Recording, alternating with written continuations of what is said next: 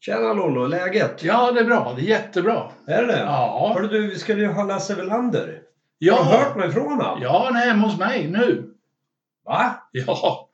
Du vet, jag har inte sagt till dig, men jag ger ju gitarrlektioner ibland.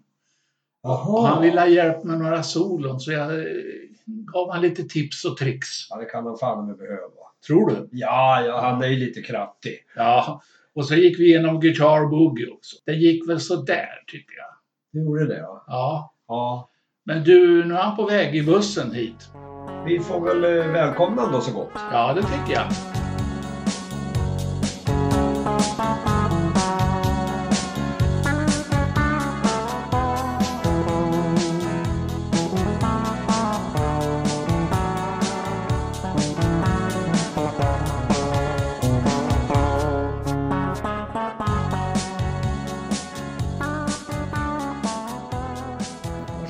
Är poppodden igång igen i coronatider och idag så har vi med oss en eh, celeber gäst ifrån, eh, han bor ju ute i Åsbro har han själv sagt. Och det är ju Lasse Welander, gitarristen ifrån, ja, Blues Quality, Nature och ABBA, you name it. Med mig har jag min vapendragare Lollo. Vi ska intervjua dig en stund Lasse. Vi har dig på telefon Ja, men- här. Ja, men vad trevligt. Hej på er grabbar. Hej, hej.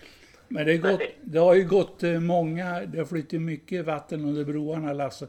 Jag tänkte vi backar, Ja. vi backar bandet till Nora eller Skräkhyttan till Relections. Vad säger du om det? Jaha, ja, det låter trevligt.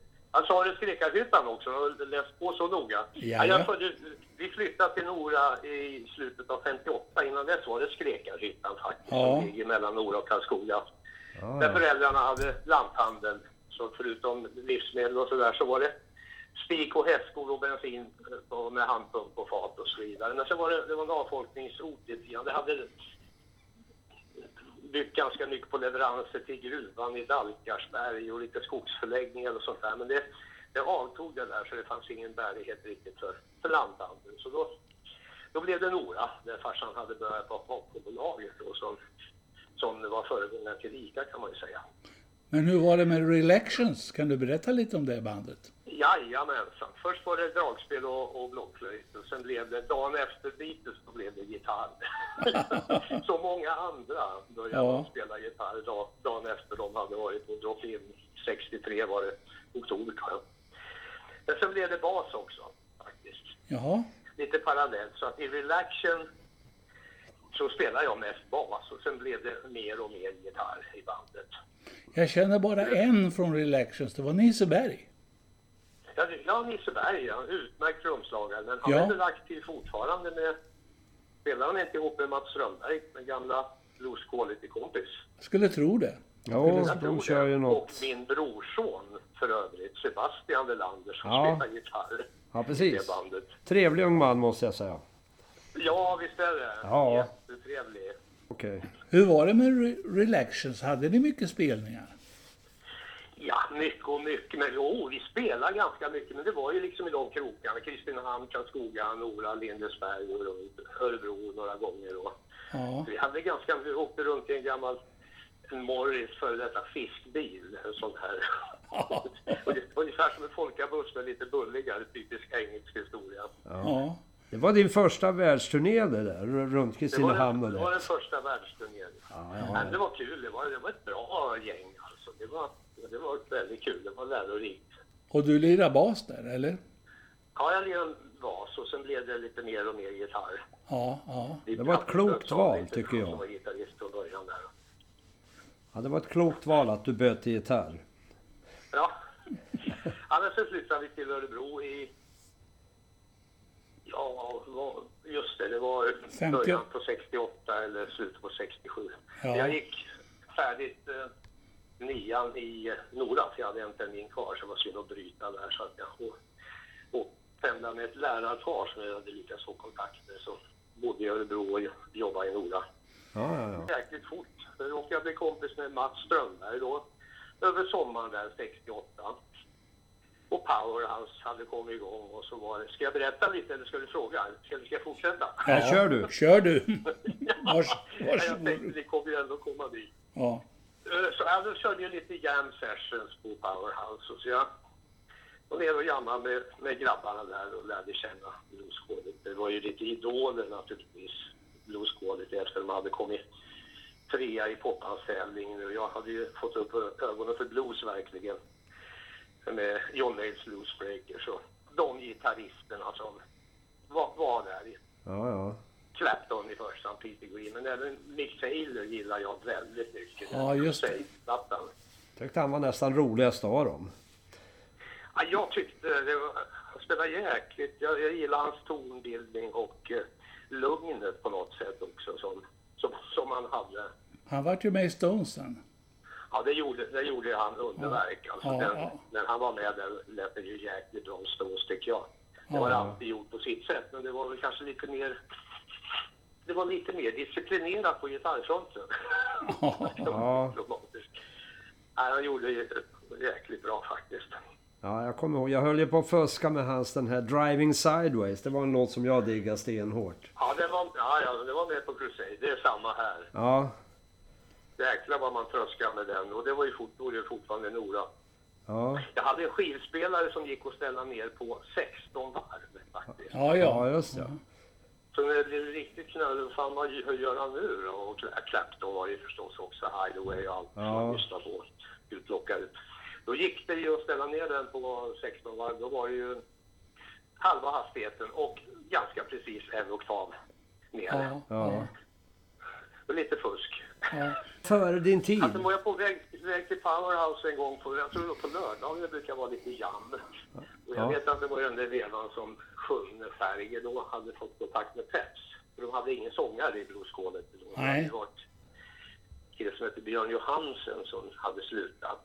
Ja, just det. Det kommer jag ihåg. ja. Ja, Jaha. han var med en kortare period som jag fattade det. Ja. Ja, Spela sax också. Men då blev det så. Jag var på väg med min Les Paul i handen till Powerhouse på eftermiddagen där. För att jamma lite. Och, och då stannade en folkabuss, ganska hippiemålad kan man säga. Ja. Och, och frågade efter vägen. Vad vad är Powerhouse? Ja, men jag är på väg dit. Jag kan visa vägen. Ja. och då var det Peps och lite, några kompisar. Ja. Så det var väl första gången han var, träffade dem och inledde ett samarbete. Sen var jag med och jammade med dem på kvällen. Sen Tommy Svensson då, den otroligt förnämliga gitarristen Ja, som tyvärr inte Ja. finns kvar längre. Eh, han hade redan då lite tankar på att sluta i bandet. Ja. Varför vet jag inte. Jag tror han tyckte att det var lite, blev lite, lite för mycket jobb med dem. Det var mycket resande och jag vet faktiskt inte riktigt. Så det blev väl så att först var jag med några gånger när han inte var med. Då vickade jag helt enkelt honom. Det var ju otroligt att komma en skit från Nora och så hoppar man in för Tommy Svensson i Blueskålet. ja. ja. ja. Tommy Men så var... var vi med ett antal gig så spelade vi båda två tills han bestämde sig för att sluta helt enkelt. Ja. På hösten där någon gång. Nej, Tommy var ingen lek. Nej, otrolig. Ja, otroligt. Otroligt bra. Ja. Verkligen. Och på allt möjligt. Sen när jag pratade med Åse och eh, det var lite dåligt med jobb. 68 tror jag det var. Då fixade hon jobb med Emil Ford och drog iväg i parkerna. Så det tror jag var 67, Ja, om jag minns rätt. för brorsan, vad sa du, 67?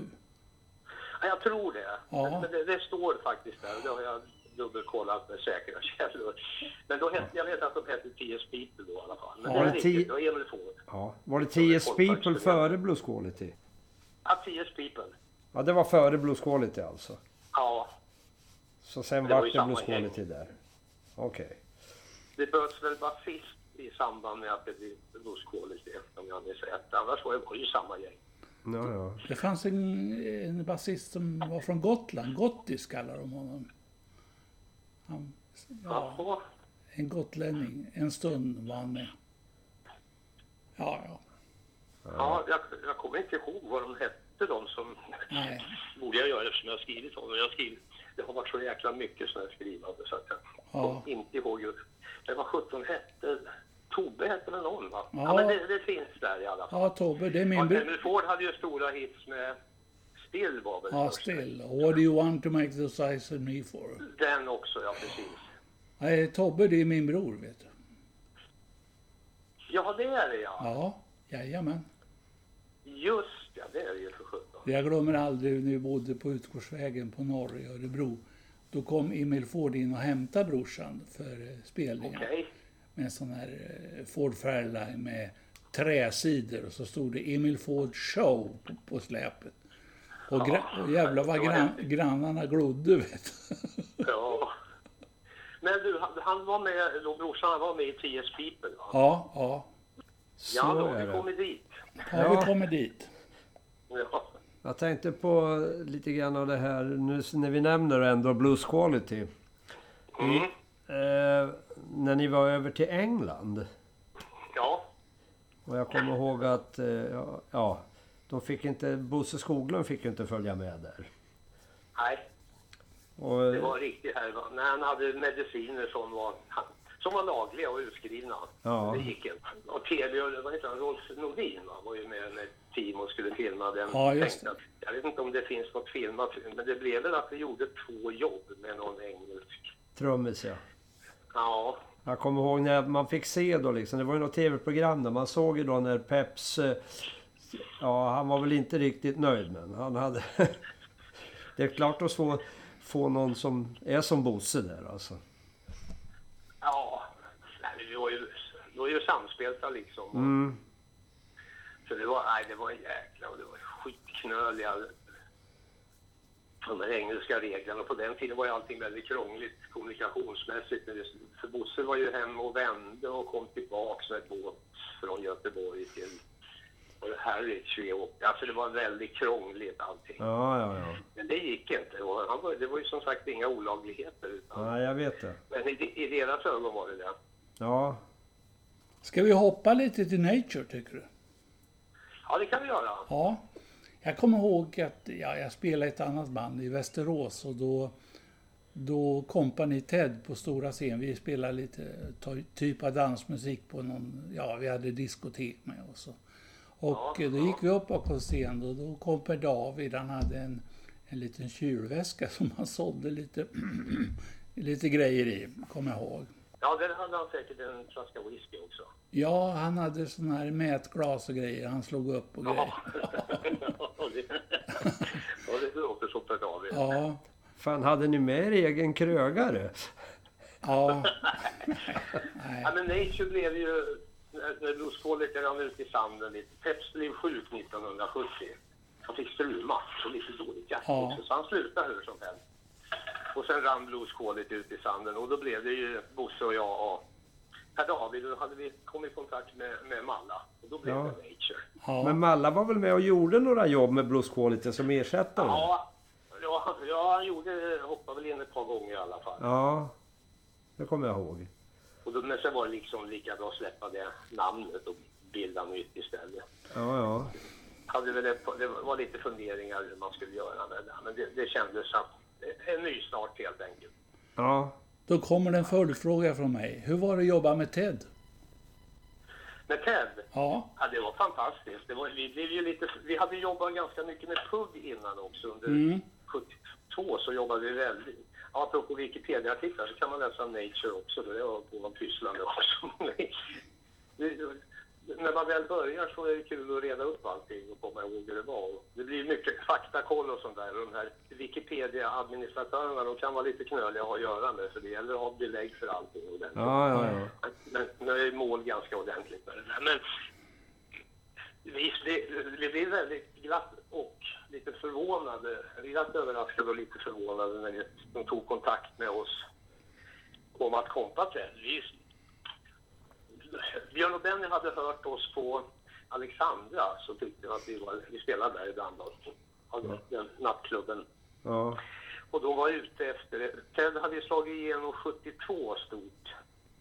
Hade varit på turné med ja, lite hopplock, alltså frilansare, studiomusiker och sådär. Det var lite, lite knöligt rent praktiskt. Och de kom väl fram till att det vore smartare att ha ett färdigt band som har en egen organisation, så att säga. mm.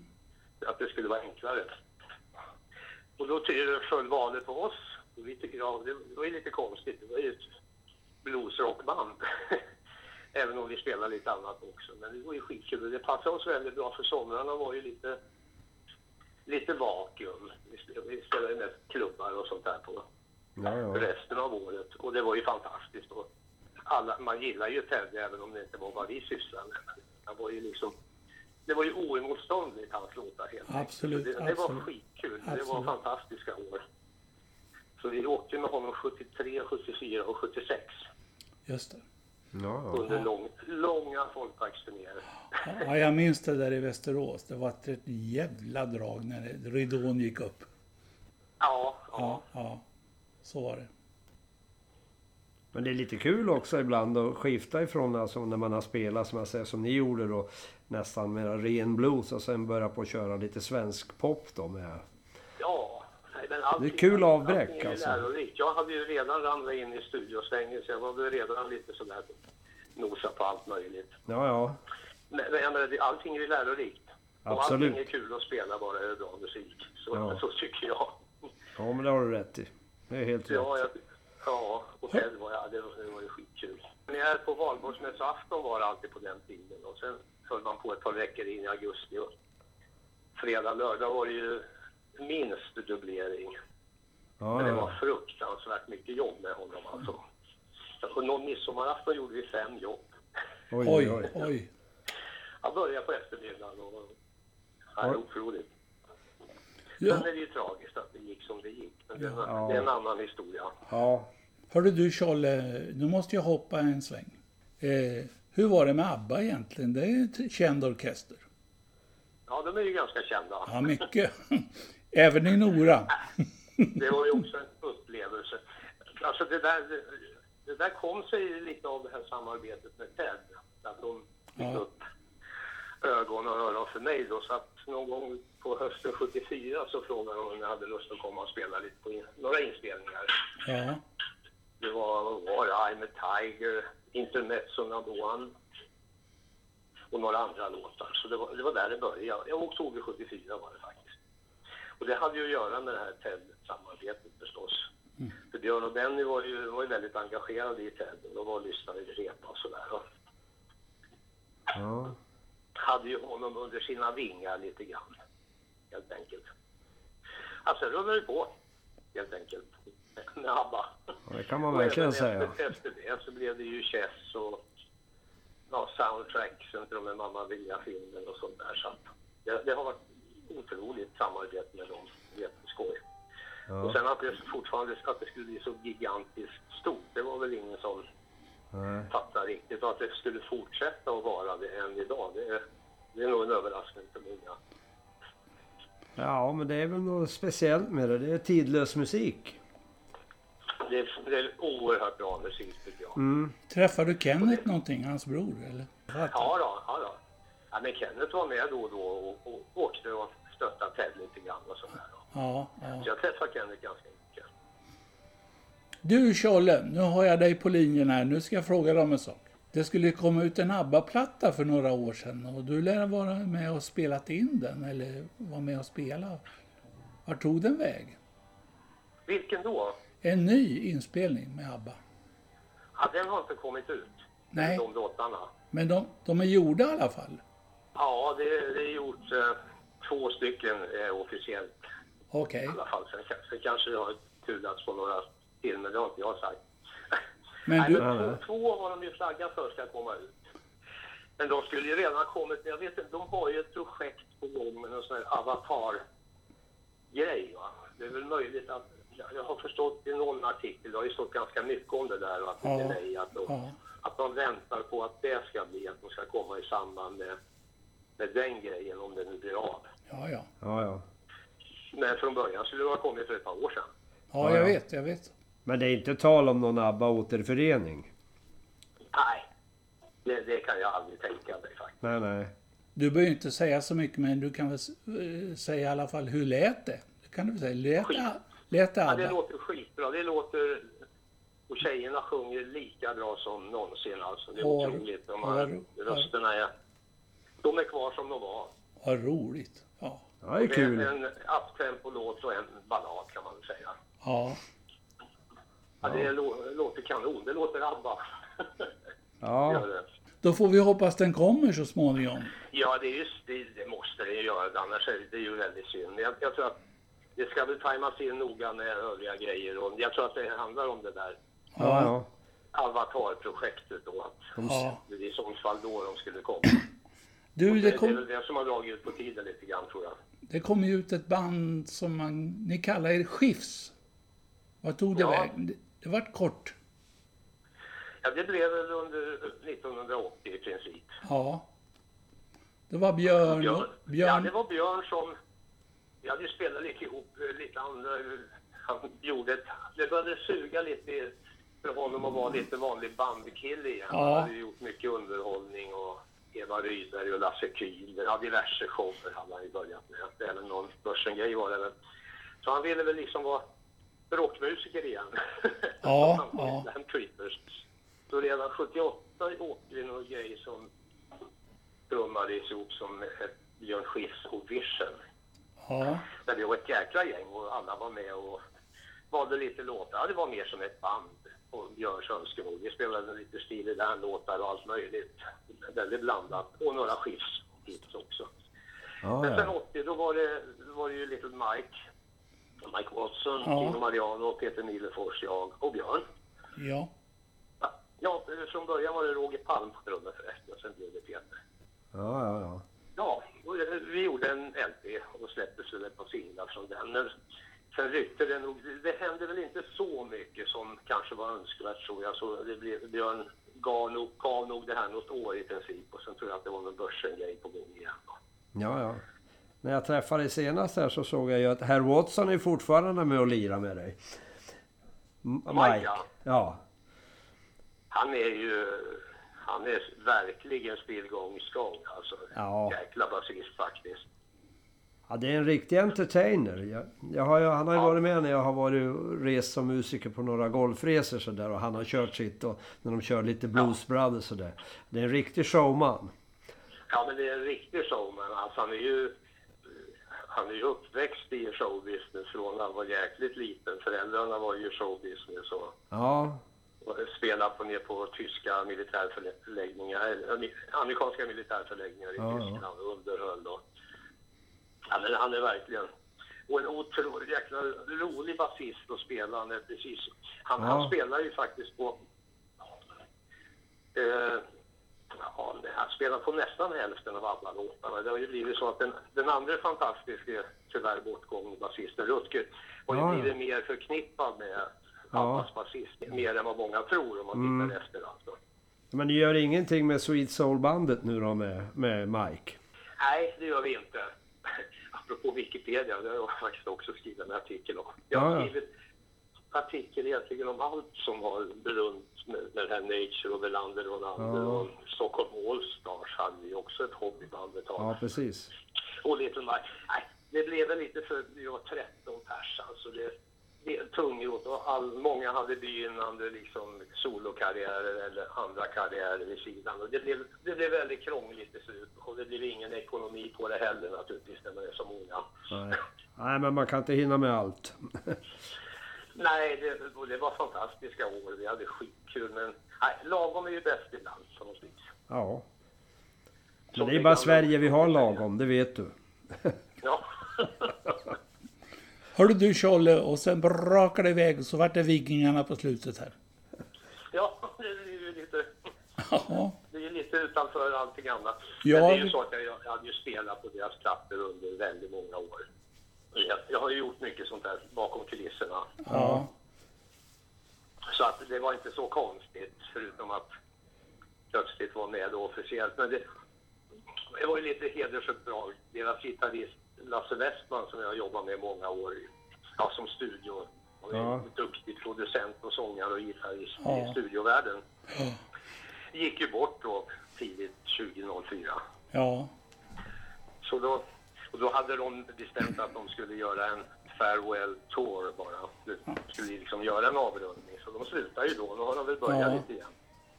Men hur som helst, då, då, då slutar Vikingarna. Så att det, var en bestämd period. Annars vet jag inte om jag kanske hade hoppat på. Men det var, det var kul och, och väldigt speciellt att se. Jag hade ju aldrig sett den stått på en scen och sett den, en sån publik och Nej, nej, hur, hur stora de var. Alltså gigantiska. För dansbandspubliken. Det var ju, när Christer visade sig så... Man kan säga så här, man spelar på dansskalor som vi gjorde några gånger. Ja. En tre, fyra band. När, när andra banden spelar då, ja, då dansas det lite grann sådär. Sen Ja. kommer Vikingarna och framförallt när Christer kliver upp på scen. Ja. Då stannar allting upp och alla står och tittar. Så Ja. det, det blir en annan grej då. Det blir konsert helt plötsligt. Jag köpte Lasse Westmans platta. Soloplatta. ja, ja. Ja, Nej, men han spelar sånt, han spelar jäkla duktig. ja mycket bra. Väldigt mångkunnig. Han gjorde ju en jäkla nytta där vid Vikingarna med körsång och allting. Ja. När han, när han, de hade ju ingen, ska man säga, någon gitarrist i den bemärkelsen innan han började. Så att han styrde upp väldigt mycket. Ja. Och just sång, sångmässigt också. Hur var det med Charlie och sången i Vikingarna, vet man det? Nej, jag hade nog ingen mikrofon där. Nej, de hade ju sina ständer redan. Ja. Nej, jag klämde nog inte i någonting. Nej, nej. Nu kommer Frank här, få höra.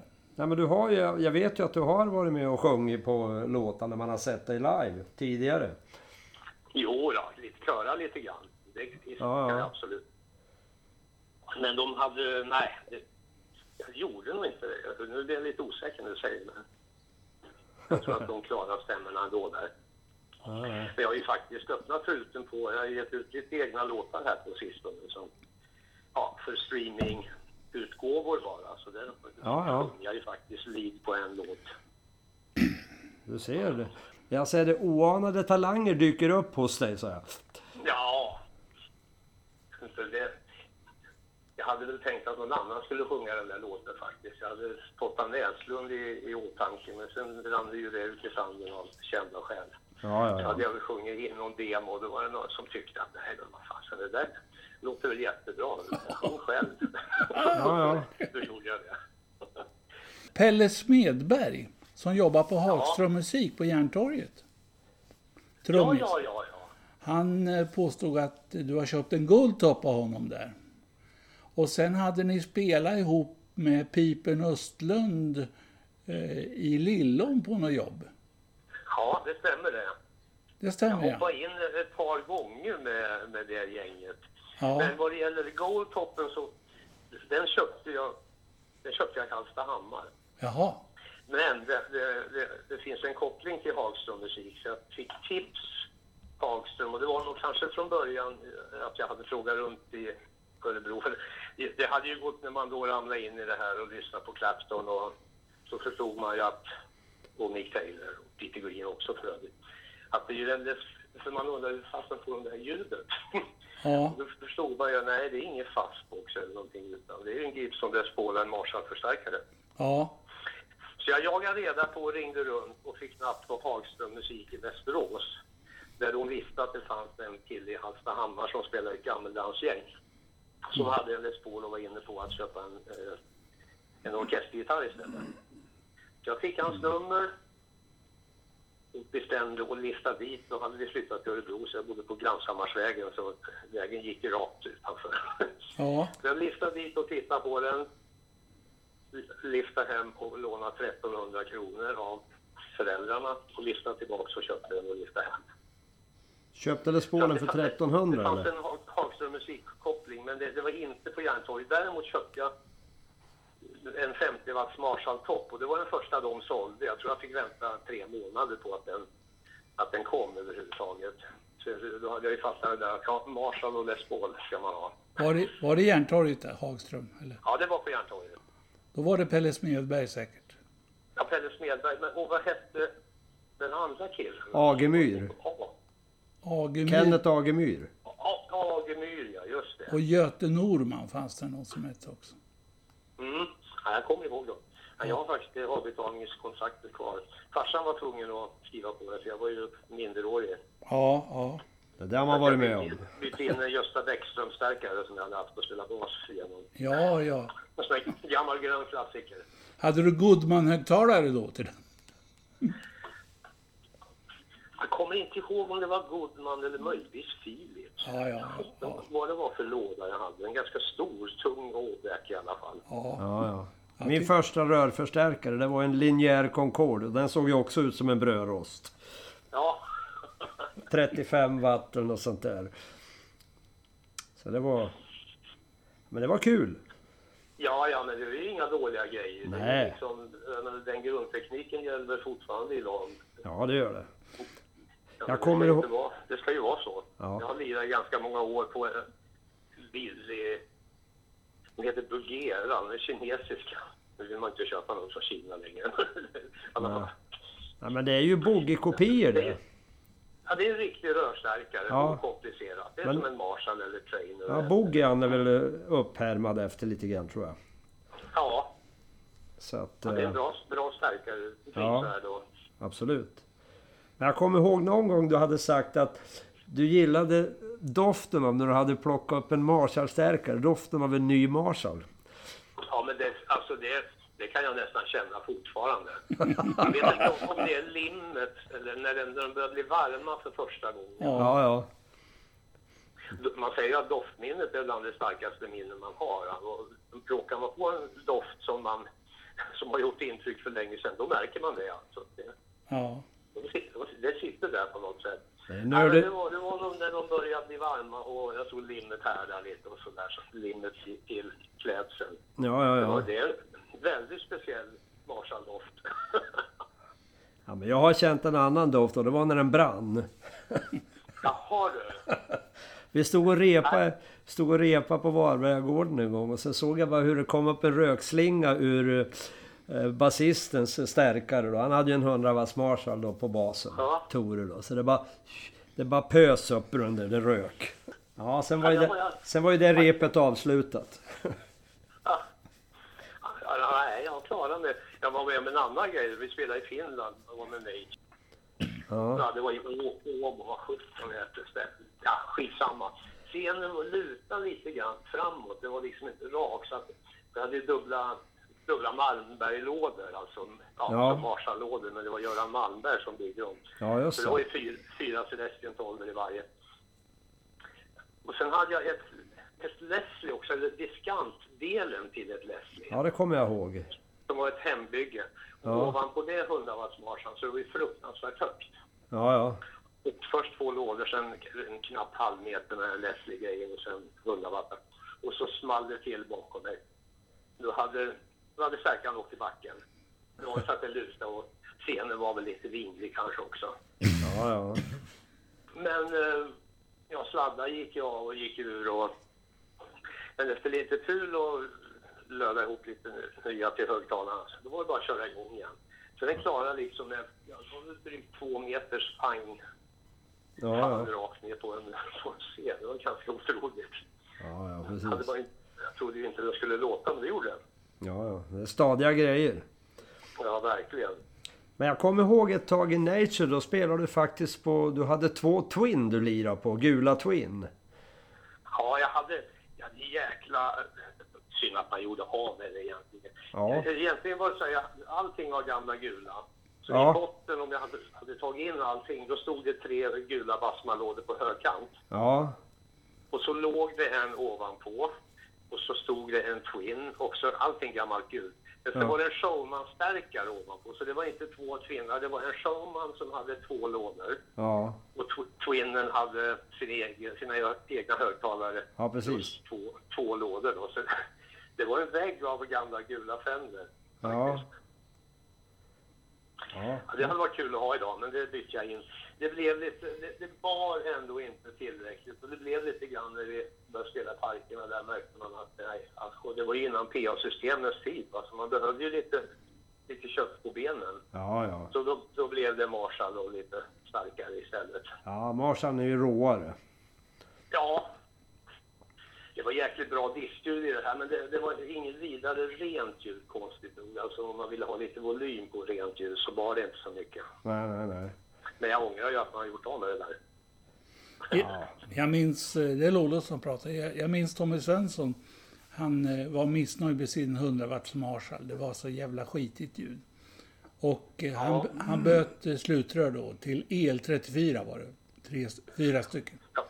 Ja, El34 ska det väl vara? Ja, visst. Men så fick han i dem där. Det vart för rent. Så hade han ingen sustain längre, vet du. Nej. Så han, han stoppade tillbaks de där gamla rören, kommer jag ihåg Tommy. Ja. För då får det Det är jäkligt. tror jag. Ett tag så ju på man skulle ju köpa ryska rör. Jaha. Och det tror jag fortfarande. För att utvecklingen på, på rörfronten, det, tog ju längre tid innan Ryssland eller Sovjet blev så transistoriserat. Så rörutvecklingen fortsatte mycket längre där i västvärlden, sägs det. Ja, ja. Ja. Så att det var, nej, det också var det nysparande. Jag bytte också till ryska rör. Jaha. förförsäkrad rör där man fick det, tror jag. Var det Sovtek? Jag kommer inte ihåg vad de hette. Ja, det är väl ryska rör det. Ja, nej men de, de skulle- allmänt så sades det att det är liksom högsta kvalitet. Ja, ja. Du Charlie, har du någon rolig happening att berätta från turnétiden med Nature, Per David eller något kul? Något sånt där? Vi brukar kalla det för dräpare. De får, Dräpare! de Ja. får, får berätta någon sån där riktig anekdot. Ja, fasen det var ju svårt så här på rak arm att komma på något. Jag har säkert hänt jättemycket men Ja, någon som Ja. bara liksom poppar upp eh, som du eh, tycker den där är speciell. Du får fundera en stund. jag får fundera en stund. Alltså det rullar ju, vi jobbar ju jäkligt mycket även själva då förutom att vi kompar diverse. Apropå Göran Fristorp så på Örebros på eran podd första avsnittet så jobbar ju med Göran 1975. Ja, ja. I, i parkerna. Ett mellanår. Vi hade jobbat med Ted 73, 74. 75 åkte han en paketgrej, det hette Ted och Harpo. Så det var, det, Ja, just det det. var Just, Harpos band. just det. Och då jobbade vi med Göran på sommaren där. Mm. Och sen var det Ted 76 igen. Och Göran var ju ja, jäkligt roligt att Ja. jobba med. Det var ju annorlunda, annorlunda upplopp kan man ju säga. Men det Ja. funkar jättebra. Göran hade en fin anekdot där, eh, men det kan du lyssna på i första avsnittet. Ja, okej. Fy fan. Alltså, man tror ju att det, det var en snäll och skötsam kille, men Ja. han, han visar en, en lite bredare sida kan man säga. Så kan man Jaha du, säga. ja, det får jag ta och lyssna på. Ja. absolut. Det var vi, han vickade med Eilert Lundstedts orkester från eh, Hallsberg. Vi hade varsin eh, rejält trimmad TV faktiskt på den tiden. Göran hade en grön och jag hade en vinröd. Ja, det vet Så han var jag. lite, Ja. Var det, för jag hade 160 hästar bromsade på bakhjulen. Ja. Vil- Vilket ju var jäkligt, alltså det var innan det fanns turbo. Alltså. Ja. Det var egentligen en stand, typ en standard A-motor, det fanns en banracingklass på den tiden, mm. standard A. Så det var en sån, eh, ja den, den gick, han, jag, men han hade nog bara 140 hästar, det var ju lite tråkigt för Ja, honom. vad tråkigt. Men båda var väldigt fina PV. Så Ja. Jag vet inte vad han gjorde med sina. Alltså det var så här genomrenoverade. Min hade skivor runt om och sänk Ja. och JP-fälgar. Och, ja, lätta svänghjul och Hedlund 1249 kam och dubbla vebrar för de som är motorintresserade. Ja, ja, ja. Ungefär så trimmad. Man kunde göra en sån, en, en eh, V20 utan turbo. Nu, nu kan man nog säkert skrämma upp dem naturligtvis på ett annat sätt. Så det var bra drag i. Men min blev stulen och försvann. Kom aldrig igen. Det var säkert någon som visste vad det var och plockade ner den i, i venar. Ja, Ja, vet ja. jag inte, men det var, det var jäkligt fint. Det var ju inte så spännande anekdot jag berättade kanske nu, men det var lite roligt i alla fall. Ja, men du Så kan det var väl- en del tv-prat. ja. Jag tänkte du kan väl ta den här om... eh, Hur sent var det när ni spelade in den där... Alltså Just- du var kvar ute i Åsbro. ja. Hur sent på kvällen i studion var det? faktiskt- Det var inte sent, det var på dagen. Det var det? Jaha. Ja, Den tänkte vi köra nämligen. Sånt där som, som blir en sanning som inte riktigt är sant. Nej, ja, det var, det var som jag minns det på eftermiddagen. Du lirar dragspel där. Ja, sådär. Jag spelar egentligen bara på bar. Jag spelar ju knappdragspel. Jaha. Så jag, jag spelar nog mest med vänsterhanden, basen där egentligen. Ja, okej. Och så är det Lite duttar jag nog med på knapparna också, men det, det är väl inget fantastiskt dragspelande. Jag hade väl inte spelat, jag hade ju mest spelat valser och sånt. Ja, jag ja, hade ja. inte spelat så mycket rock around the clock. Det Nej. var inte riktigt. Jo, då, men jag spelar dragspel där, det gör jag. Ja, ja. Var du till Åsbro? Det gör jag. Du trivs? Jag tycker det är bra det. Det är lagom, det är lagom långt från stan. Jag bor i Gävle, jag bor uppe i... Uppe i... Om du säger det... Du, vet du vad Kvarna var förut? Ja, eh, den där mjölkkvarnen. Ja, det är ja. Anderssons by. Alltså, ja, ja. ja, det är fint där utåt. Det är, det är inte tu tal om det. Vet du. Nej, jag, trivs där. det är fint. Det är alldeles det vid bensinmacken med. Natchers. Matchers. Natchers. Ja. Natchers. Natchers, ja. Natchers orkester. Ja. Jo, jag sitter i annonser. Vi spelar ju... Vi spelar ju... Vi spelar runt omkring. Vi åker runt. Eh, åker runt. Vi åker runt. Far och flänger. Ja. Ja, det är inget fel på ungdomen. Det, det, det, det tycker jag att det, Nej, det, det var andra förhållanden på våran tid. Ja, Fick ni inte ha sånt där hår? Det var att dra fram potta och sätta över skallen. Nu, det skålar vi på va? ja, det är Skål på det. Ja, jag har pengar. Ja, Visst, vi har mycket det, Ni är lär tjäna en 10 000 om, det gör vi på en kväll. på en kväll. Tar det 10 000? Det gör de. Ja, det gör det. Ni bor där utåt Lidingö och vad de kallar det. vet du. Lidingö och Djurgården de kallar Ja, Där bor de alla de rika. Vet du. Där har väl den här orkestern, de har väl, de har väl stuga där utåt också va? Hörde du, det, det, det, det är nog inte otroligt. Nej, nej, vi får låta, låta vara det osagt. Nej då. Ja, det är stora åldersskillnader i den där orkestern. Mitt han Ronander, han är väl inte mer än 13 år och han Skoglund, han är väl upp mot en 50.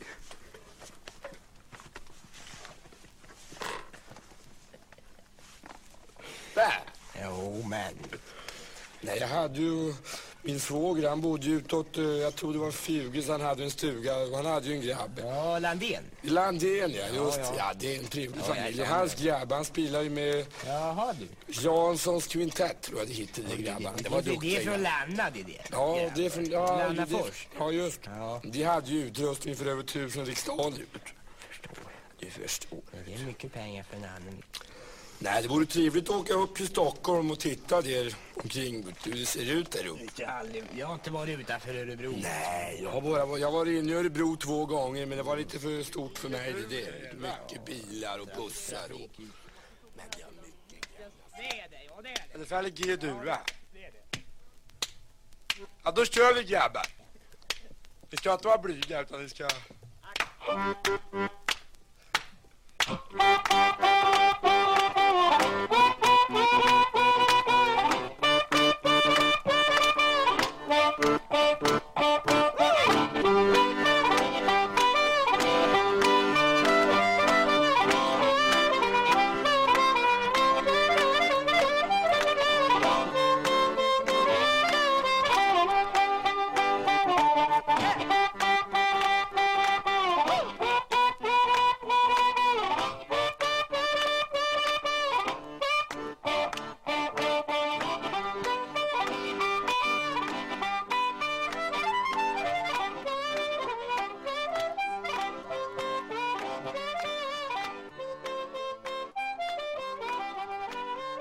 Hur uppstod det egentligen? Var det bara det att ni inte hade något att göra och sen började ni eh, larva runt lite?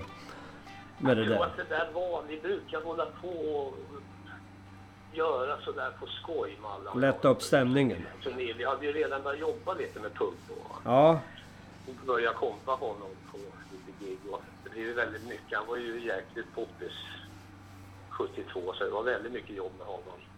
ja. Jag tror att det var så att vi brukar göra sådär och det tyckte han var jäkligt roligt. Jag kan tänka mig att det var så. Jag kommer inte riktigt ihåg men det tror jag faktiskt. Men det är roligt än idag. Brukar hålla på och tjafsa lite sådär i turnébussen.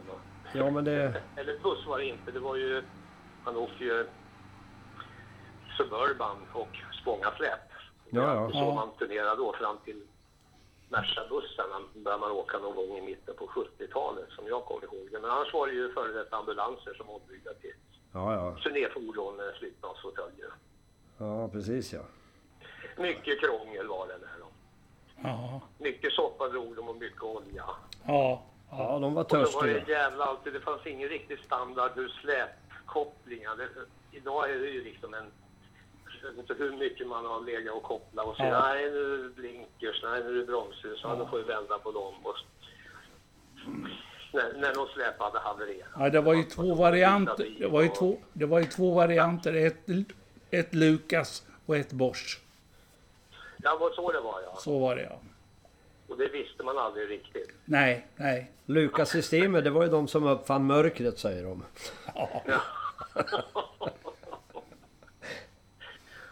Och jag har en kort anekdot bara från, ja, från Alligators-tiden om jag säger så. Och Ja. det vart ju Blues Quality så småningom. Alltså Alligators, det vi pratade om, det var väl innan vi började spela in, det frågade om Red Ribbon. Så var Ja, ja, det här Alligator... Alligators kände man ju naturligtvis till i Nora. Det var ju fantastiskt. Ja, det var det jag kommer och, jag ihåg när jag träffade dig första gången. Det var Ja. Det var lite, det var jag lite starstruck blev man då. Ja, Nu är det tvärtom. Ja. Nej, alltså det var ju min mamma hette Kate och så var det Åse Ferger, Sjönnes mamma. Ja, ja, jag hade mycket med att Ja, ja, då eh, kom Kate hem till Åse. Du ska få träffa denna där Lincoln Louisiana Peps. Han, och, och Mats Strömberg. De är så ordentliga pojkar. Hon pratar norska. Vet du. Ja, de sitter inne hela dagar och går icke ut. Nej, du ska få träffa dem. Ja. De, sitter, de bodde där på Markbacken 91 tror jag det var. Ja, ja, men, Ja. ja, visst. Ja, och så gick de in där. Och så slet hon upp dörren, vet du. Det var som slaget vid Lützen där inne, vet du. Och Och, så ordentliga killar. ja, de går icke ut. De, ja, det var, solen sken och det var sommar. Då, så att, och, och, och de vinkade åt min mamma. Hej, hej. Så, Jag undrar om inte Åse förstod det där. nej, Ja, det men mamma nog- hon, mamma hon förstod direkt. Ja. Ja, Åse, jag glömmer Opel Admiralen. Ja, ja, Ad- Ad- Admiralen. ja, Admiral. Den åkte vi till Norge med, kommer jag ihåg. Ja. ja, den hade ni åkt med också. Ja, det hade aldrig vi, för då, vi hade... Ja, vi hade en... De, det hade började. Det var en Apache. Det var ju en, Ni hade en vit, kommer jag ihåg. En vit, ja. Ja, Och den gick sönder en del, precis Ja, som alla ja, de andra de där andra ja. också. Ja. Men när du är inne på Åse, det var det liksom det. Hon startade ju ändå upp det här med Powerhouse. Ja. Så Ja, att jag menar, hon är ju, hon är ju mamma till mycket musik har kommit från Örebro också. Jo, men väldigt mycket. Ja, Väldigt, väldigt mycket faktiskt. så jag säger, men många har ju, har ju henne att tacka för det alltså. Ja, definitivt. Ja, Och, och trombon-Olle. Ja, ja, ja. ja. Askelund ja. Trombonen Askelund. Annars, det var väl Sjunne och Mats Örbrink som var väldigt ja. Drivande också. Ja, Men absolut. de var väl eh, minderåriga, ja. jag tro, då. ja. Vilka, för jag, jag läste, det finns någon historik om eh, Powerhouse. Jag har för mig att det står att ja, de kunde inte teckna filmer och sånt där i alla fall. Nej, nej. Nej. Jag kommer Annars ihåg... finns det ju mycket, vi pratade om Håkan Pettersson. Kanske innan vi spelade in. Det är ju en fantastisk sajt och historik han har där på, på Ja, sin ja. blogg faktiskt. Det, det finns det mycket att läsa också. Vi hade med honom i poppodden. Jaha, det har vi ja. Ja, Okej. det finns det ett program om honom. Där. Ja. Ja, det, ja, det måste jag lyssna på. Nej, men det är mycket... Jag har haft en hel del kontakt. Hörru du, stämmer av lite jag kan ju vad, vi vet och, och sådär om saker. Ja, ja. Och lite bilder och hit och dit. Men det är, det är ju en riktig guldgruva han har där tycker jag. jag kommer ihåg i Alligators. Sjönne kom släpande med dig en gång. Eller föreslog. Alltså? Ja. Och- Jaha. Ja, men problemet det var ju det att det var jag som spelade solgitarr, inte du. Så, så jag, jag, jag, jag, jag satte hälarna i baken, jag fick bara ont i dem. Jag såg något klipp. Hade du en Les Paul? Ja, en 52 Goldtop. 52 Det var, Gold, det var Goldtop. någon låt det lät väldigt mycket strata om, om den. Det var inte någon som skrev det också. Alltså det var bra, bra shadows-ljud i den också. Ja, det var det säkert. Jag vet inte. Ja. Jag, jag hade den i tv-program som ligger ute på, på Youtube som vi... Ja, men det är nog det jag har sett. Jo, gjorde 64. Ja, jag det jag lyckas. har för mig att någon kommenterade det där också. Ja, men ly- lyssna här. Det var en Goldtop, eh, 52 eller 53. Jag köpte den på Hagström Musik på eh, Skandia på, eh, eh, i Örebro då. Va? Och eh, 800 spänn. Originalcase och allting. Vad fan, det här är ju en guldgitarr. Det ser ju inget fränt ut. Hur gör vi med det? Och då var jag föreståndaren där. Jag Pelle Smedberg var med också. Och eh, Göte Norman hette han. Ja, just det. Ja, vi lackar om den. Så då lackar Ja, om. men det var vit va? Ja, jag lackade om den vit. Vet du. På Segerstens billackering i Örebro. Du hör. Ja, visst. Vad fan, det finns ju ingen svajarm. Det har ju, Hank B. Marvin har ju en svajarm. Så de skruvade dit en sån där tremar. Hagström vet du, tremar. Ja, Och det, fick, det. och det fick man ju borra rakt ner i träet, vet du. Förstå vilket helgerån många skulle tycka. 52 gold då. Ja, visst. Ja. Och omlackad vit med Hagström tremar. Vad var det för mickar på? Var det 52? Var det smalt? Var det passmickar eller var det de Ja, här smala kom 70. Nej, Ja, okej. nej, det var de stora. Guld, eh, tror jag det var. Ja, det var det. Ja. Ja, det var det. Ja. Så var det. det. Jag har fått eh, en halv miljon för den där om jag hade behållit den i Ja, originalskick. ja. Men min första Gibson det var ju en Les Paul Goldtop med mini-handbacker så den köpte jag 70. ja. Och sen eh, mönstrade jag i Karlstad 71. Och i, på kvällen var vi ute och gick där och så stannade vi till vid skyltfönstret vid Hagströms musik. Då fick jag se en Gibson Esky Okej. Och sen var jag ju totalkörd alltså. Det Les Paulen det var ju bara ett minne. Den där skulle jag bara ha. Sen dröjde det något år. Sen gick jag ner på Hagströms kommer jag ihåg. Och, I källaren där. Då sitter Lollo och lirar på en sån där gitarr då. Och jag sa åt honom, vad fan spe, spelar du på min gitarr? sa jag till Lollo. Så Lollo visste inte om att jag ville ha den då. Den, hade ju nyss kommit in. Är det din gitarr? sa han. Ja, sa det är min. Så att ingen annan skulle få ta den. Men sen kommer jag ihåg, du, men det kanske inte du kommer ihåg, att du ville byta med mig. Du lånade min Eske när vi jammade någon gång nere... Jag träffade dig uppe på Vasafiket och så skulle ni lira på Powerhouse på kvällen. Och du var spelsugen. Kan vi inte åka och jamma sa du? Åh för fan sa jag. Vi har en lokal ute i, i ungdomsgården. Så då följde du med där och så lånade du min Eske då. Ja, då just det. Ja, och då vart du så jävla... Fan kan inte vi byta så? Vilken snygg gitarr. Nej, så det vill jag inte. Men Nej, men idag har jag gjort det. Idag har jag gjort det. Jag hade en, en Rickenbacker-bas, vet du. Ja, September 67. Den har jag haft kvar i alla tider. Men jag, Okej. såld, jag sålde den nu. ja men på något vis när det bara ligger och liksom en Les Paul, man vågar inte ha med den där. Jag står i garderoben, gig. Dessutom har jag i många år spelat på ja, kombinationen att man har en handbacker och två single coil. Alltså det, är- Ja. liksom, det, det ger ju bredare ljudmöjligheter på något Ja. vis. Ja, det gör det. Okej, rena bluesgig då. Och Det har varit så mycket, men det, det funkar. Jag spelade på en Variax i många år, en James Tyler Variax. Ja. Ja, det såg jag nu när jag såg dig på Clarion. Ja, just det. Ja, Den är ju skitbra. Dels eh, emulerar ju den en massa gitarrer om man vill, men sen har den ju väldigt bra egna magnetmickar. Alltså, Ja, ja. James Tyler är ju någon sån här liten... Väl någon av USAs motsvarighet till Arne Arvidsson kan man väl säga ungefär. Så. Ja, ja, ja.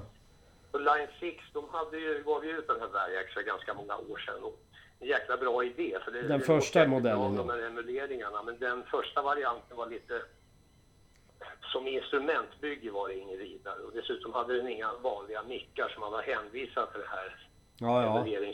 hela tiden. Så jag tror inte den sålde så bra. Men om jag fattade det rätt så ville de inte släppa det för de tyckte de hade något väldigt bra. Då, då, då kopplar man in den här James Tyler Ja, ja. för att till att börja med bygga ett bra instrument och sen att den också har vanliga mickar. Ja. Men funkade den bra, den första variaxen du lirade på då, så att säga? Så att det inte vart någon massa fördröjningar när man lirade?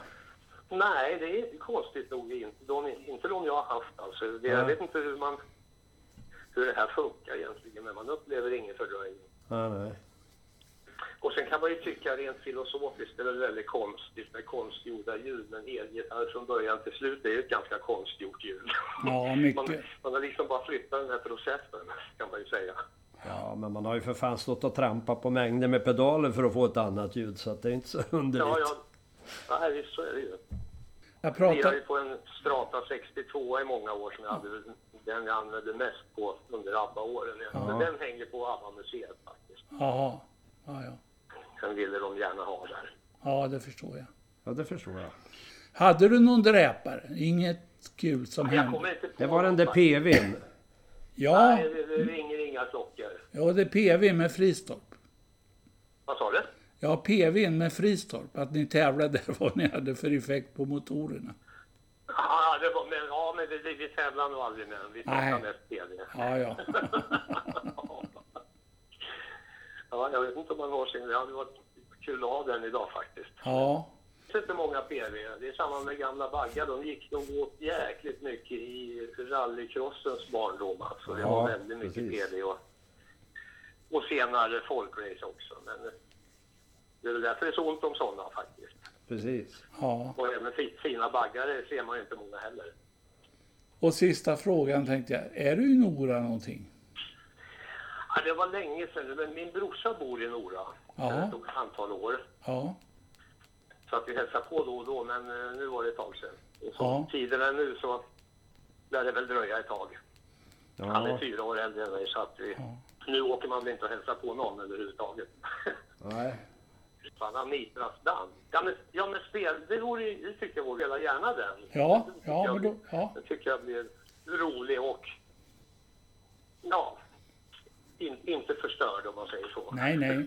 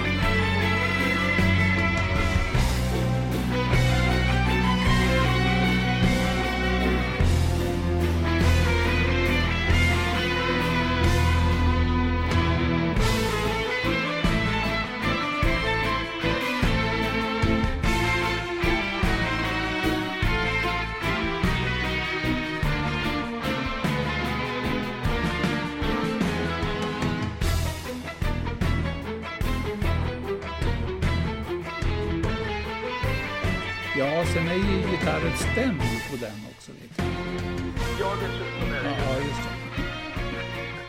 Ja, jag kan väl passa på i det här läget och, och klaga lite på det. Det är ju vad som spelas på, på radion i Sverige med det här playlist-systemet. Ja, Alltså, för att det, ja. det blir något fruktansvärt enkelriktat och smalt, det som man, man hör på P4 då.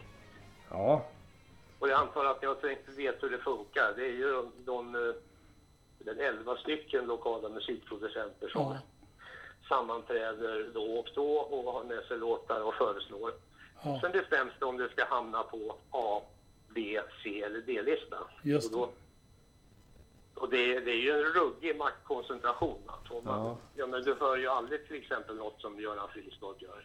Eller många Nej. andra hör du aldrig överhuvudtaget heller. Utan Nej. det är ju en väldig likriktning. Man hör aldrig jazz, man hör aldrig någon trubadur, man hör ingen folkmusik. Nej. Så det är en ruggig maktkoncentration och dessutom är det som jag bestämde för ett tag sedan för att någonting ska kunna testas till Svensktoppen. Ja. förutsätter det att det har legat på P4 spellista. Och sen kollar man utifrån det också hur många streams ger låtarna och det hänger ju också ihop. Jag menar, kommer det inte på, man inte hör någonting på radio då kanske man inte börjar jaga det på Spotify heller. Så att det liksom alltid, och så att ingenting kan hamna på Svensktoppen om det inte har legat på spellistan. Nej. Det borde någon undersökande journalist rota i lite, för det, det, det är inte public service. Medelåldern Ja, det- på de här producenterna måste väl vara 23 år då eller något sånt där? Nej, när man titt, du kan gå, kan gå till den sidan och man bara söker på P4 och spellista. Ja, ja. Och så, då finns det också man kan länka till, då ser man vilka som är de här producenterna. Jag tror inte alla är med på bild, men jag tror att det är 11 stycken. Nej, de är faktiskt inte så unga, men de kanske vill vara, därför de spelar sån musik. Nej, men jag... Till salu förra dig med de kontakter jag hade. Det var inte lätt. Det Ja, gick, just- det gick ju Nej, inte. vi, vi var ju inne på det. Ja, Ja, jo men jag försökte. Jag försökte, Nej, det går. Nej. Nej, det, det går inte. Det går inte. Och nu för tiden, förr för bara några år sedan så var det ju ändå så att lokalradiostationerna kunde ha sina egna musikprov, eller spela lite vad de vill, men även de är styrda nu av spellistorna. Ja, Jo, det vet jag. Jag försökte då... Jag lämnade ju min CD till eh, lokalradion när jag tänkte att de kunde spela någon låt då. Ja, Stendött. ja det går inte. Nej. nej. Och om man åker som vi bor här, det bor ju mellan Stockholm, eller Bålsta och Enköping kan man säga. Ja. Och det här kan vara när man åker bil så kan det slå lite mellan olika lokalradiostationer. Men det är samma låtar som ligger hela tiden. Sen kan det diffa några sekunder då om det har varit något inslag som har varit lite längre eller kortare. Ja, ja, Men ja. det är samma flöde som går hela tiden. Ja, Ja, det, det, jag tycker det är för jäkligt. Och då pratar jag inte bara i egen sak utan för hela musikvärlden på något vis, för bredden. Det är, ja, bara till, till jazzfolkmusik och allt annat som man aldrig hör. ja, precis.